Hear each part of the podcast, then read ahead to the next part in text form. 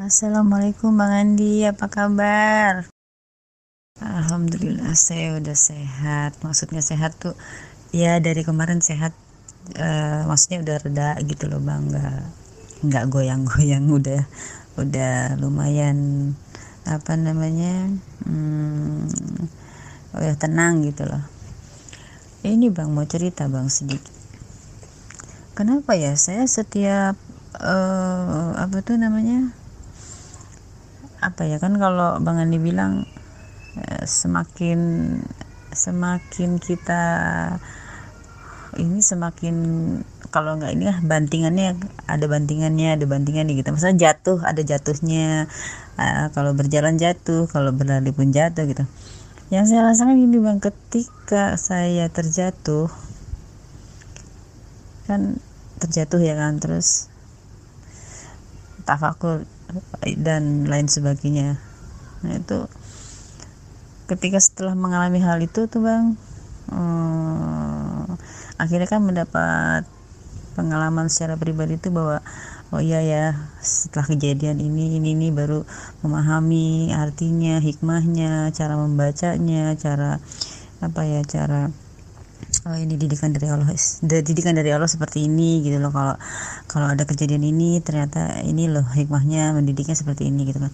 Kenapa yang maksudnya gini bang? Kenapa setiap kita terjatuh atau setiap hmm, kita mengalami sesuatu hal yang uh, itu menjadikan uh, kita bertambah paham itu semakin hari tuh semakin saya tuh masa ketika saya jatuh saya jadi bodoh gitu loh. Oh kok kok, kok nggak kok nggak paham ya gitu kan. Jadi seperti gini kok kayak orang bodoh ya? Begini aja nggak ngerti gitu loh. Yang dimaksud dengan Allah tuh ini gitu loh kan gitu. Jadi semak setiap kali jatuh saya merasa semakin bodoh gitu. Jadi kayak orang bodoh kosong. Terus nanti kalau udah ngerti gitu bang ya udah mencoba um, apa um, membaca dengan pemahaman yang lebih dalam gitu itu baru terasa bahwa, bahwa uh, mendapatkan pelajaran itu terisi gitu loh bang. Jadi saat terjatuh merasa bodoh. Begitu saya sudah memahami apa yang dimaksud dengan didikan Allah baru merasa terisi gitu loh bang. Jadi begitu terus begitu terus begitu terus. Itu baru paham sih bang. Ya yang mau saya ceritakan itu. Sehat-sehat terus ya bang Andi.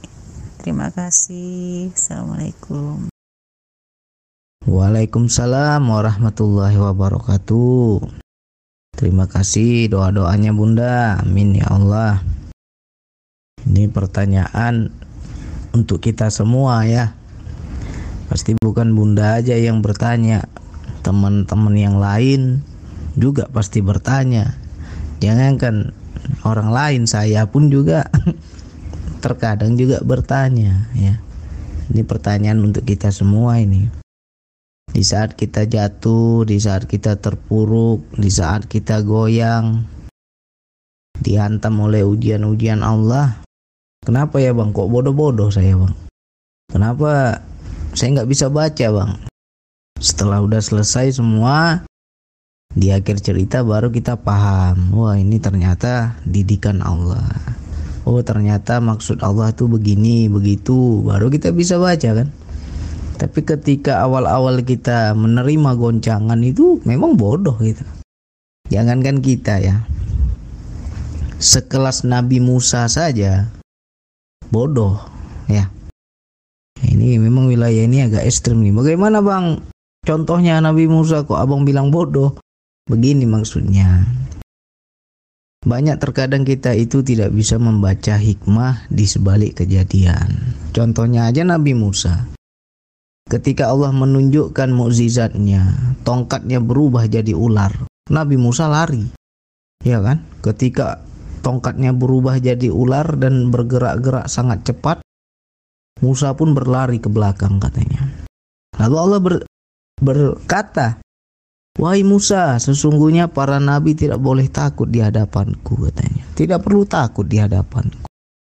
Itu ada suratnya di Al-Quran. Silakan dicari. Saya kalau saya nggak hafal Al-Quran cuman ada yang lengket ya saya sebutlah kalimatnya seperti itu. Ya nanti coba dicari. Sekelas Nabi Musa saja tetap dia bodoh. Dia nggak tahu dia nggak bisa baca hikmah. Karena ya di situ siapa pun orangnya kalau belum ada ilmu pasti takut Kenapa kita segala sesuatu di dalam hidup ini penuh ketakutan? Coba kita tanya diri kita. Bukan hanya bodoh saja, tapi takut. Udah takut, bodoh-bodoh, bego-bego, ngeblank, apa lagi? Kosong, ya. Kenapa ya bang? Ketika masalah itu datang, aku kosong bang, ngeblank aku bang. Ya, karena kita fokus hanya pada masalahnya. Ya, kita hanya fokus pada ujian yang Allah berikan. Sama halnya ketika Nabi Musa berubah tongkatnya jadi ular, dia hanya fokus kepada ular itu.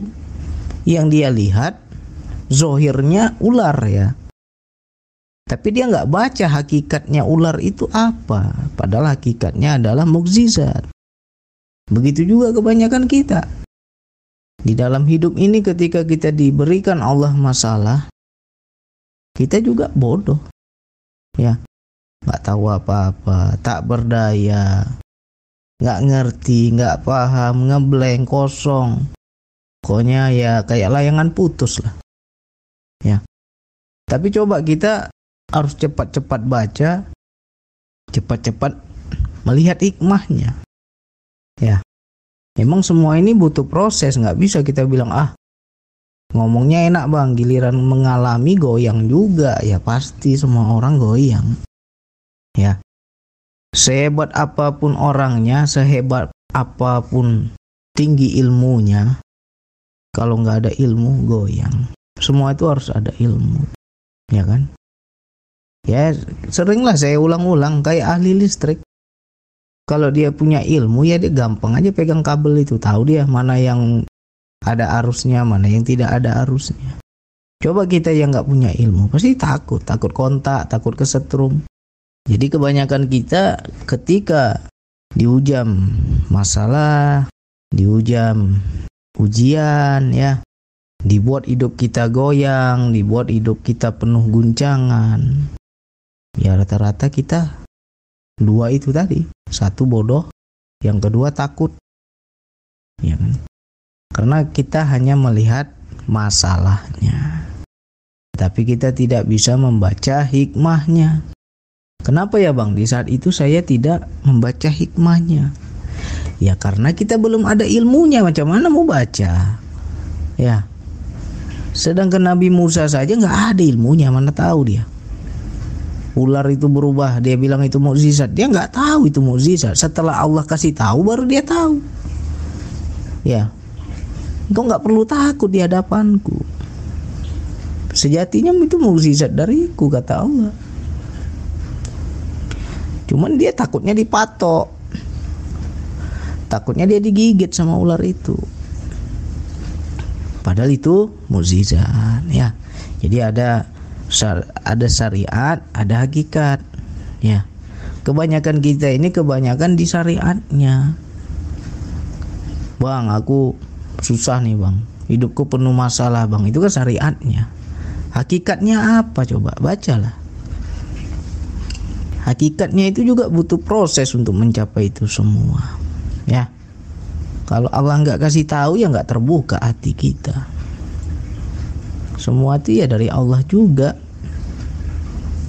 Jadi kenapa ada orang dikasih masalah bisa sadar. Dikasih masalah bisa baca hikmah dikasih lagi ujian paham dia arahnya ke mana ya. Ngerti dia.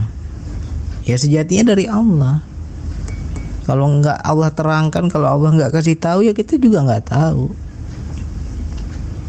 Makanya banyak orang udah dikasih masalah dibuat hidupnya terpuruk ya kan?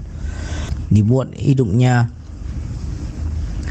penuh guncangan tapi yang dia lihat syariat aja. Nggak mau dia baca hakikatnya. Ya kan? Makanya ada istilah saya itu kalau Allah sudah panggil cepat-cepat jawab. Dipanggil pelan nggak mau dengar. Dipanggil lagi lebih keras nggak mau dengar. Lama-lama diketok sama Allah. Udah diketok udah benjol baru paham. Ya kan? Kebanyakan kan gitu kita manusia ini udah terpuruk udah tak berdaya udah nggak tahu lagi mau ngapain. Ya Allah nggak ada lagi yang aku bisa minta tolong ya Allah. Cuman engkau ya Allah. Ya kan? Nah di situ baru sadar baru bisa baca hikmah baru bisa ngerti. Nah itulah beratnya ilmu hidup ya. Kalau kita belajar sama guru enak ya. Siapa pun gurunya kalau kita belajar enak. Kita udah dikasih teorinya tapi kalau belajar sama Allah, wih sakit.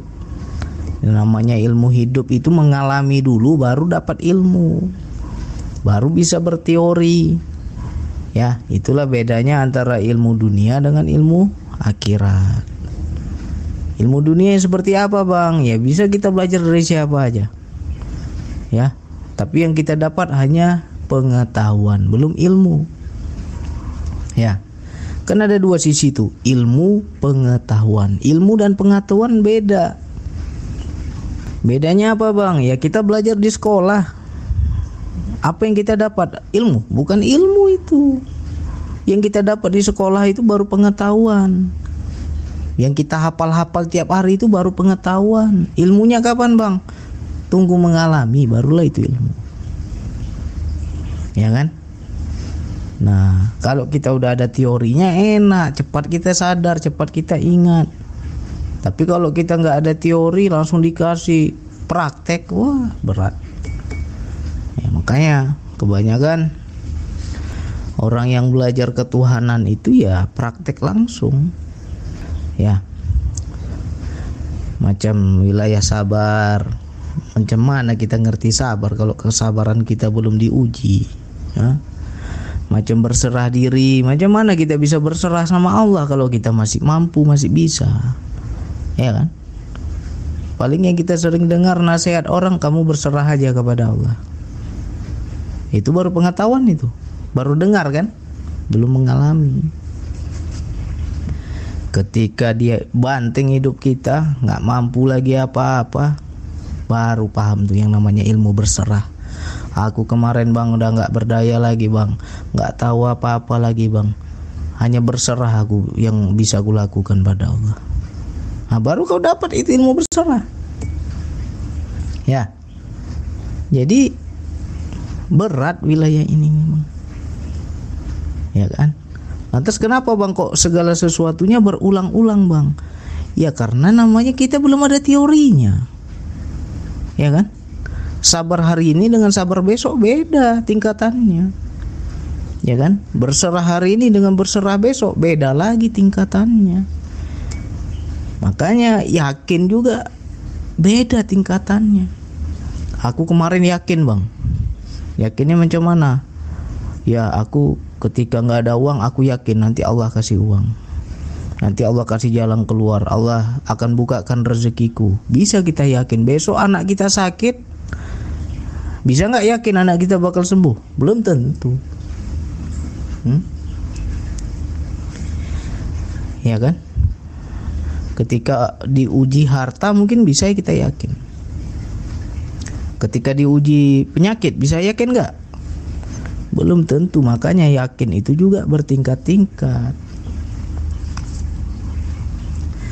Jadi kalau dibilang macam bunda bilang tadi kok bodoh ya aku bang Ya semua orang pasti begitu untuk menapaki jalan itu ya beda. Kita jalan dari Bandung mau ke Jakarta, setiap kilometer kan beda pemandangannya. Kilometer satu pemandangannya ini, kilometer dua pemandangannya itu, kilometer tiga pemandangannya itu lagi. Jadi tingkat keyakinan kita seberapa jauhnya kita melangkah, seberapa jauhnya kita sering-sering membuktikan ya. Langit saja bertingkat-tingkat. Itu makna langit bertingkat-tingkat itu luas maknanya itu. Ya. Begitu juga kehidupan kita.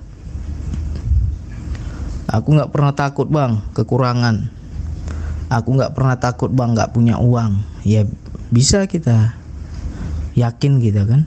Berserah kita kan rupanya besok-besok difitnah kita sama orang. Dikecilkan dijatuhkan. Bisa nggak kita sabar? Kemarin nggak ada uang bisa sabar kita. Giliran diuji di fitnah nggak bisa sabar. Karena tingkatnya juga beda-beda. Ya. Jadi kalau dibilang aku kok selalu bodoh ya bang? Ketika masalah datang ketika aku diguncang ketika aku goyang kok bodoh aku bang?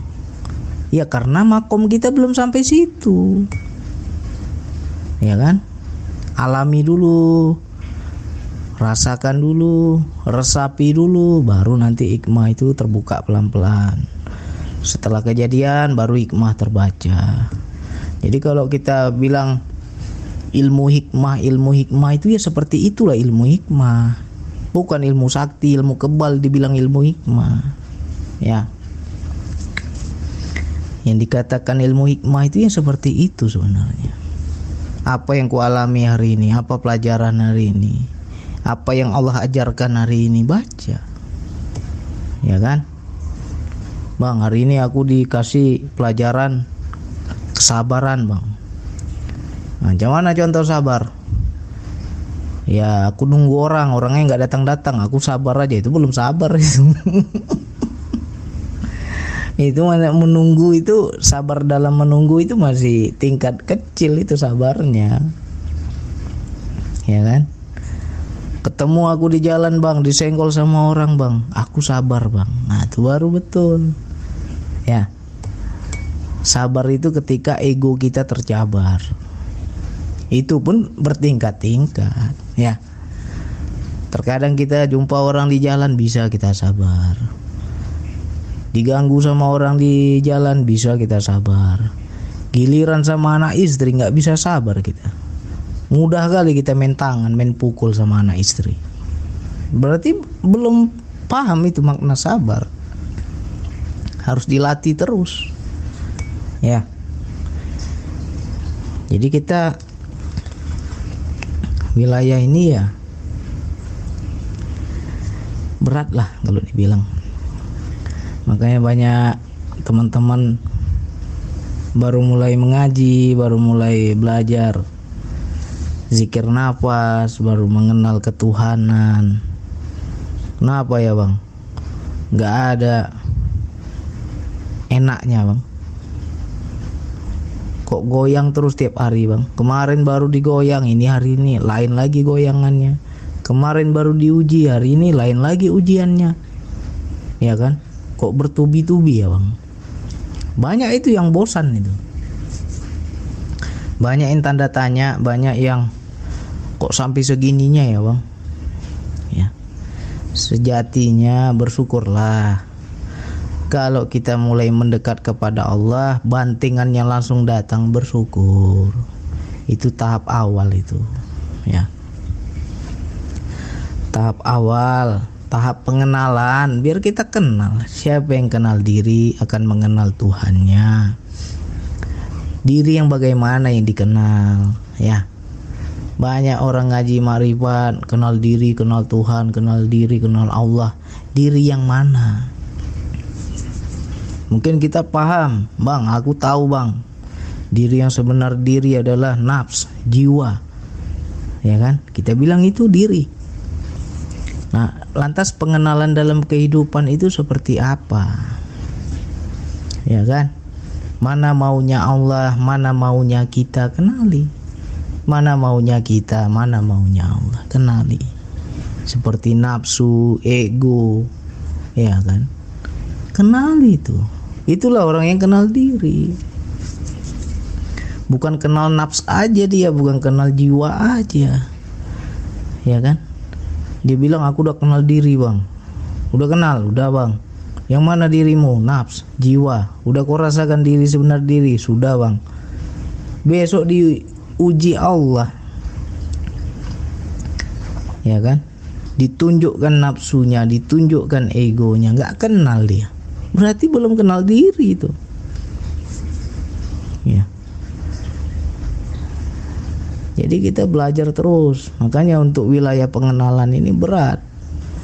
Bertubi-tubi. Jadi kalau ada orang bilang bang aku buktinya enteng aja bang. Nggak ada masalah. Makin enak hidup aku bang. Nggak ada goncangan nggak ada goyang. Ya berarti masih di kolam susu kamu belayar belum di samudra. Kalau belayar ke samudra pasti ombaknya besar. Ya. Kurang jauh main kita. Jadi itulah. Bagi teman-temanku saudaraku sahabatku. Siapa pun yang makin mengenal Allah makin diuji makin dibanting makin goyang jangan lihat masalahnya.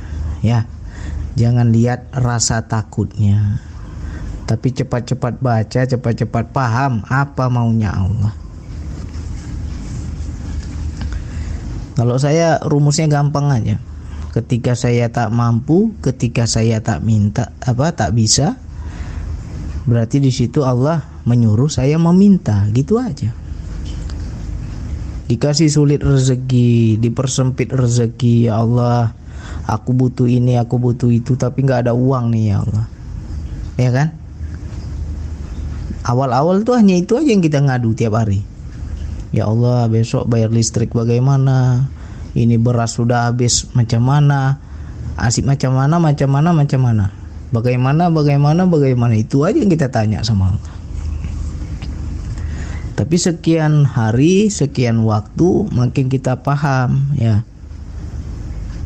Dikasih tak ada duit, dikasih tak ada kemampuan. Ya mintalah sama yang maha kaya, ya kan? Dibuat tak bisa, ya mintalah pada maha kuasa. Jadi di situ kita kenal. Engkau tak kuasa, engkau tak berdaya, akulah yang kuasa kata Allah. Siapa yang mengenal diri akan mengenal Tuhannya, ya seperti itu. Ya Allah, aku benar ya Allah, aku kenal, aku tahu diri. Aku tak mampu, aku tak bisa.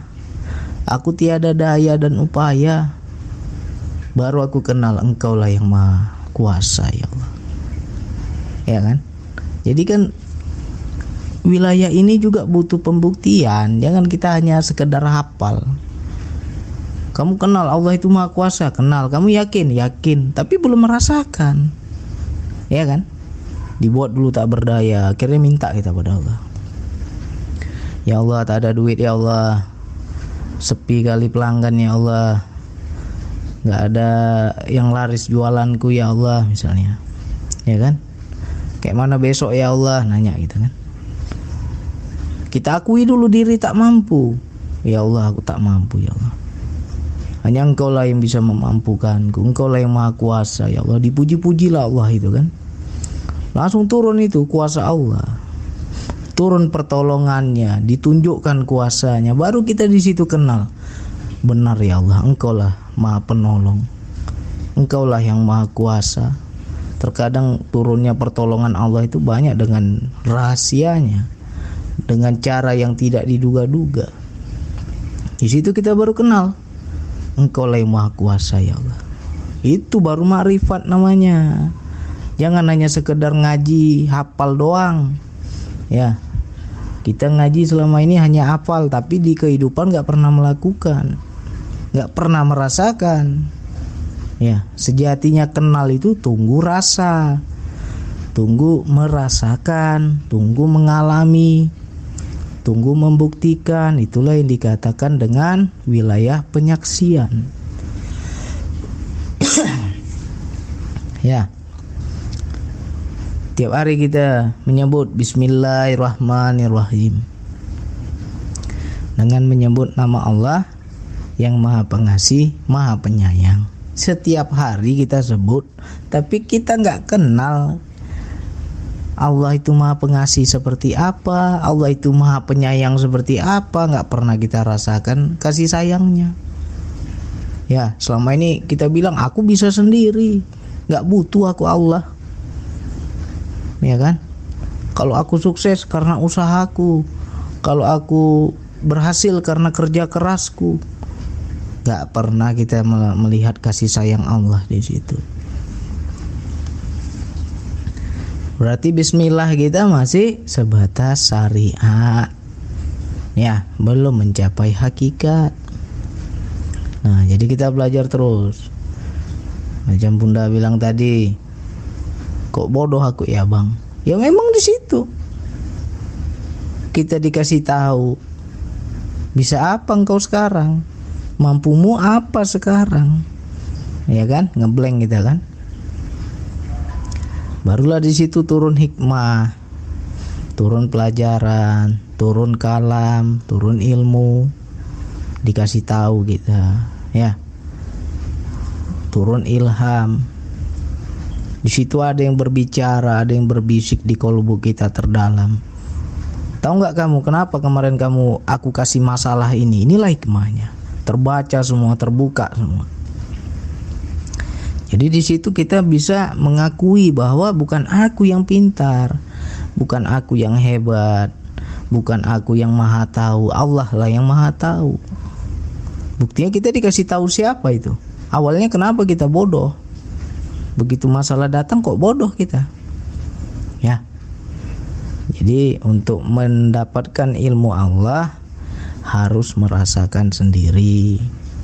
Itulah guru sejati. Apa siapa Bang guru sejati, Bang? Kehidupan ini guru sejati. Jadi kita di situ tidak ada seorang manusia bahkan guru guru spiritual kita pun nggak akan paham rasanya kalau dia belum merasakan seperti kita. Ya, Misalkan kita diberikan ujian begini begini begini. Kalau guru itu belum mengalami nggak akan paham dia rasanya. Ya kan? Paling guru itu bisa bilang apa? Sabar ya, Nduk, sabar. Enak aja bilang-bilang sabar, awak yang rasa mau mati rasanya. Ya kan? Nah, jadi untuk mendapatkan sabar itu juga eh betul-betul lah.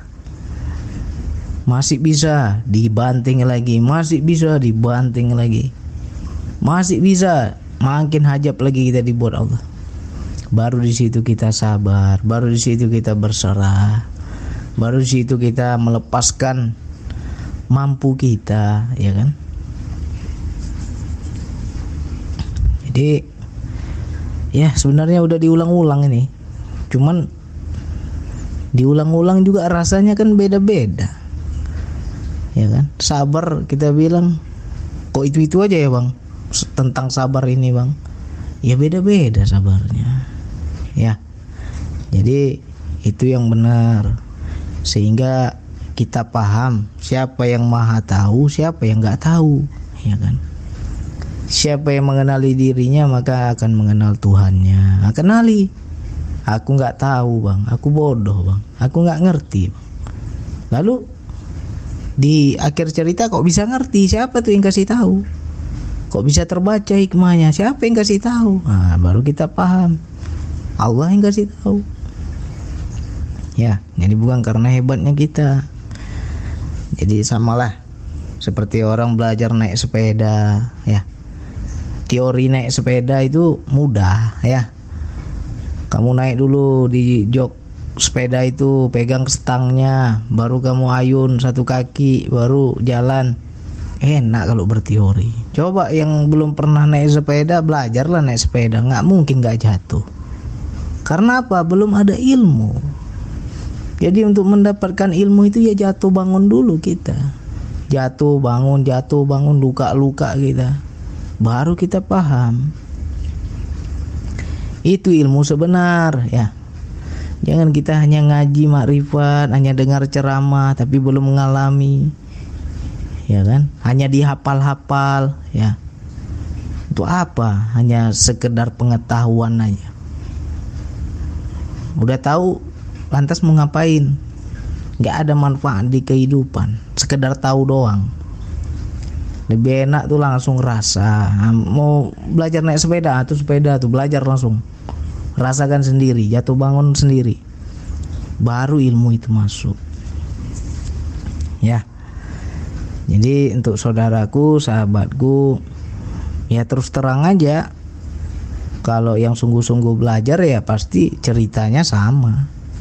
Jatuh bangun benjol-benjol ya kan ibarat kata ya sampai kering air mata.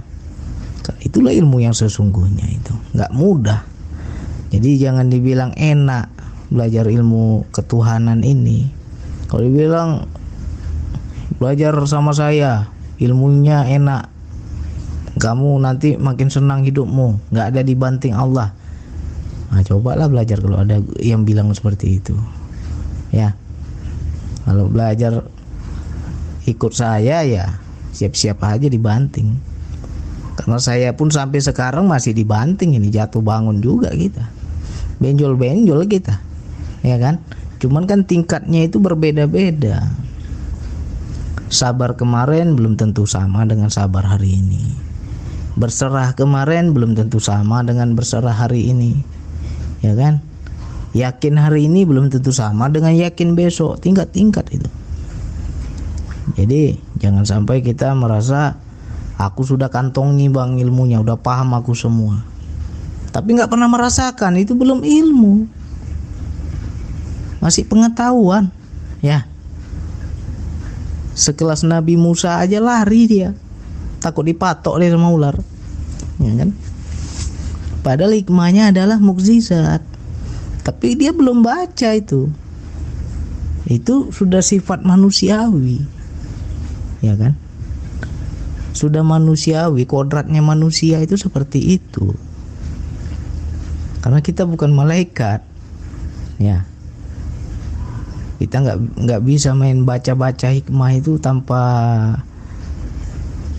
tanpa apa penyaksian di dalam kehidupan itu ya susah. Mana mungkin kita bisa baca.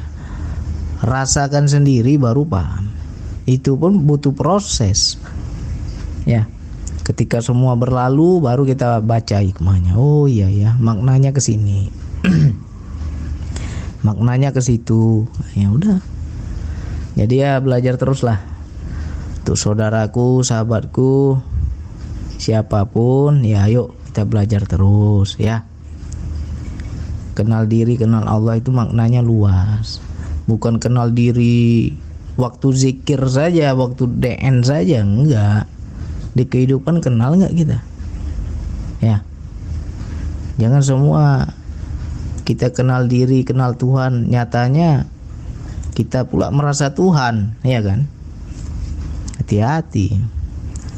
Jadi ya kita belajar teruslah. Jatuh bangun itu pasti ada tapi pasti sesuai batas kemampuan kita. Tidak mungkin Allah itu zolim tidak mungkin Allah itu di luar batas. Yang Allah kasih sama kita itu sesuai kemampuan kita. Harus yakin di situ ya. Baca aja hikmahnya. Kalau tak berdaya berarti disuruh minta daya. Gitu aja.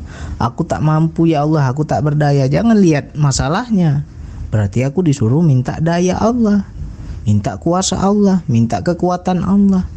Ya udah lapor.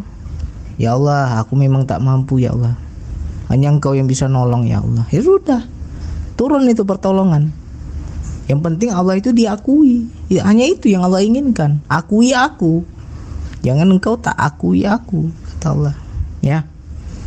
Jadi mudah-mudahan ini manfaat untuk kita semua. Sekian dari saya. Wassalamualaikum warahmatullahi wabarakatuh.